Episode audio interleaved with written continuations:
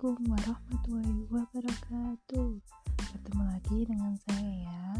Di sini saya akan menjelaskan asuhan keperawatan terkait seksualitas. Apa sih asuhan keperawatan terkait seksualitas itu?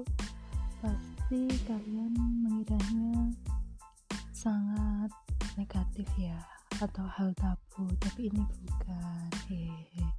Di sini saya akan menjelaskan tentang tentang asuhan keperawatan dulu. Apa sih asuhan keperawatan itu?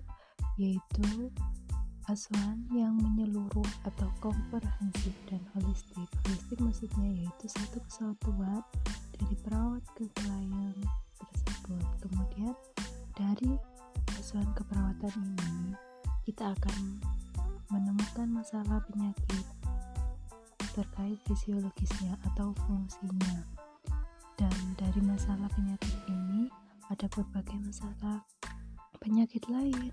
Contohnya masalah seksualitas yang kita akan bahas saat ini. Yang pertama pembicaraan mengenai seksualitas. Seringkali dianggap sebagai hal yang tabu atau negatif ya kan? Tapi di sini tidak.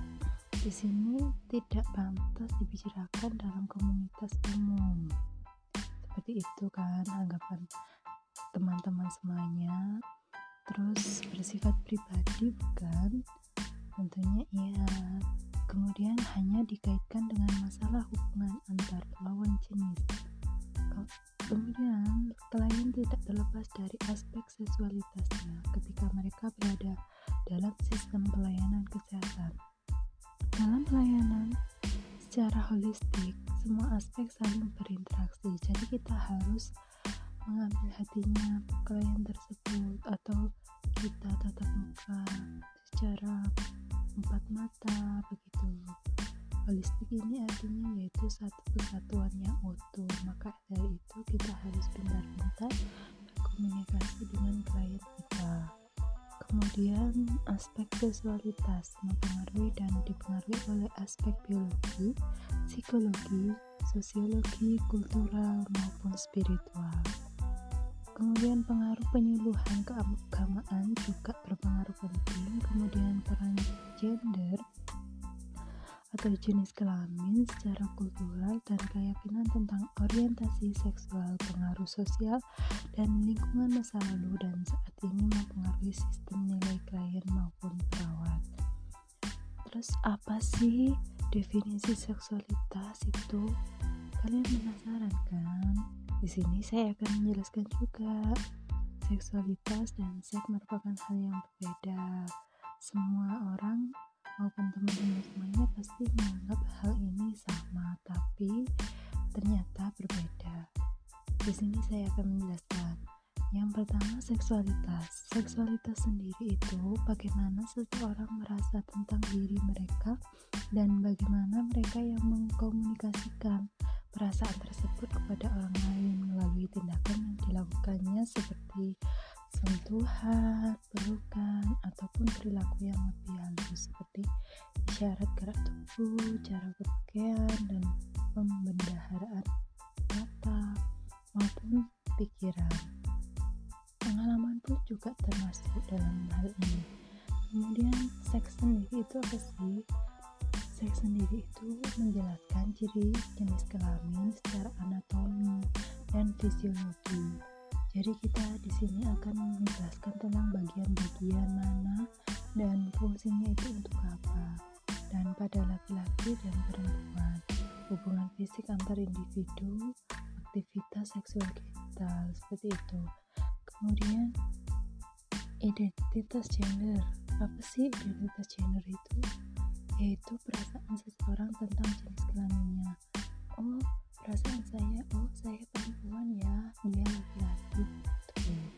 Kemudian perilaku peran gender, bagaimana yang berperan sesuai gendernya. Jadi kita sebagai, misalnya saya nih, saya kan perempuan. Jadi ya sewajarnya kita sebagai seorang perempuan, jangan masa perempuan pakai pakaian laki terus apa nongkrong tengah malam kan nggak sewajarnya. Jadi kita harus sewajarnya sesuai dengan gender kita. Kemudian perilaku peran gender bagaimana seseorang berperan gendernya ini juga kalau perempuan ya sesuai dengan perempuan di masyarakat kemudian laki-laki ya sesuai dengan gendernya begitu. Kemudian perawat di sini kaji apa kok seksualitas ini penting nah perawat di sini harus mengkaji kemungkinan ada terjadinya perubahan peran gender pada klien tersebut ataupun anggota keluarganya sebagai dampak dari hospitalisasi atau perubahan status kesehatan. Begitu. Kemudian ada orientasi seksual atau identitas seksual. Di sini maksudnya bagaimana seseorang mempunyai kesukaan berhubungan intim dengan orang lain? Dengan lawan jenis atau sejenis gitu. Biasanya ada yang LGBT itu dan lain sebagainya. Bisa dicontohkan sendiri dan dicari sendiri ya nanti. Terus apa sih kesehatan seksual itu? Kita akan bahas kesehatan seksual adalah sebagai pengintegrasian aspek somatik, emosional, intelektual, dan sosial dari kehidupan seksual dengan cara positif yang memperkaya dan meningkatkan kepribadian komunikasi dan cinta.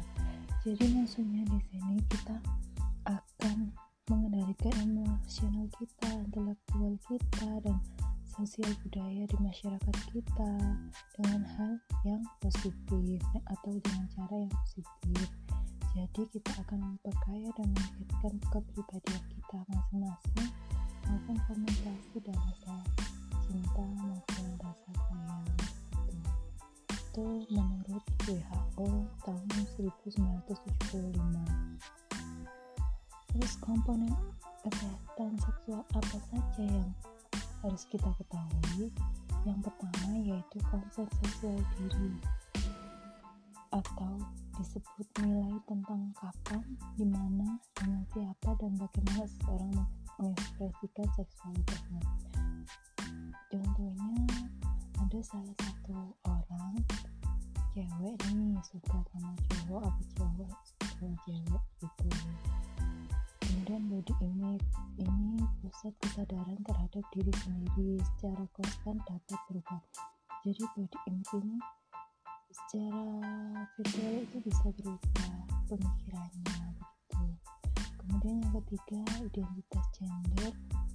Suatu pandangan mengenai jenis kelamin seseorang sebagai laki-laki atau perempuan. Jadi kita harus sadar, oh saya perempuan, kamu laki-laki. Begitu. Kemudian transgender. Transgender di masyarakat awam biasanya disebut waria ya. Tapi di sini waria itu banyak sekali istilahnya, bukan hanya transgender transgender di sini yaitu istilah bagi seorang yang identitas gender atau ekspresi gendernya berbeda dengan anatomi jenis kelamin yaitu yang disebutkan yang saya sebutkan tadi yaitu waria kemudian yang kelima cross disease ini juga lebih dari transgender yaitu orang yang rutin menggunakan pakaian dari jenis kelamin yang berbeda. Jadi mereka itu sangat suka misalnya cowok nih pakai pakaiannya cewek terus gitu dan sebaliknya. Kemudian intersex apa sih intersex ini? Yaitu kelamin ganda. Jadi ini biasanya dijumpai di masyarakat itu seribu satu mungkin ya enggak enggak apa tak terlalu dijumpai begitu. Ini cuma arang-arang gitu kemudian yang ketujuh, transseksual reparatif. Ini adalah seseorang yang mengalami konflik antara gender dengan anatominya. Jadi jenis kelaminnya itu bermasalah dengan anatominya itu. Anatominya itu maksudnya bagian-bagian dari anatomi bagian-bagian dari jenis kelaminnya tadi. Kemudian yang kedelapan ini transseksual operatif ini adalah orang yang telah menjalani operasi untuk mengubah gendernya. Jadi semisal cewek operasi gender laki-laki. Terus cowok operasi diganti dengan gender perempuan gitu.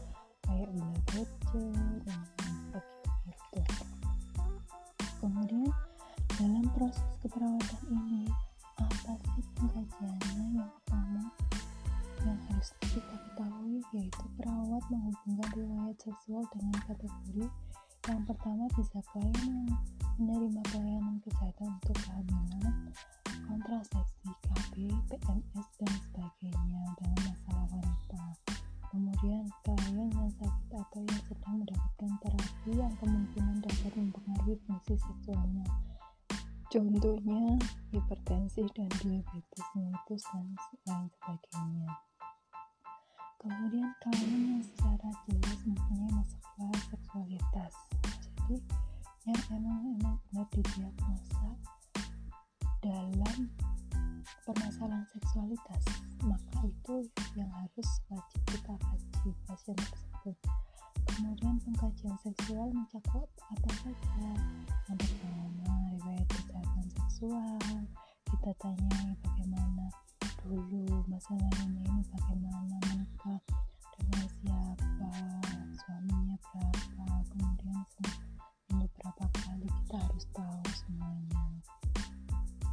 kemudian pengkajian fisik pengkajian fisik ini kita menyentuh atau melihat keadaannya atau bisa diketuk inspeksi palpasi gitu ya.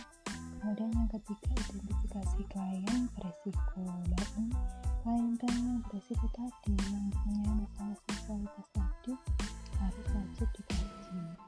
Kemudian yang kedua diagnosa keperawatan diagnosa keperawatan ini yang pertama yaitu ada perubahan pola seksualitas berhubungan dengan apa bagaimana kemudian bisa disfungsi seksualitas berhubungan dengan gitu terus kemudian gangguan citra tubuh berhubungan dengan kenapa kok gangguan citra tubuh termasuk? Karena citra tubuh kita eh, berapa persennya itu pasti mengacu pada seksualitas? Entah itu apa ya entah itu ada gangguan atau masalah seksualitasnya. Kemudian gangguan harga diri. Nah kalau kita misal ada penyakit atau masalah di seksualitas nih pasti harga diri kita di masyarakat akan rendah gitu. Kemudian yang proses keperawatan yang ketiga perencanaan perencanaan ini yang dimaksud yaitu tujuan yang akan dicapai terhadap masalah seksual yang dialami klien. Contohnya mempertahankan atau memperbaiki atau meningkatkan kesehatan seksual dari yang sakit menjadi sembuh begitu. Untuk mencegah terjadinya atau menyebarnya PMS penyakit menular seksual. Kemudian implementasi apa sih implementasinya? Contohnya implementasi bisa dicontohkan yang pertama yaitu promosi kesehatan seksual atau biasanya penyuluhan memberikan pendidikan kesehatan atau memberikan door memberikan penyuluhan secara door itu bisa.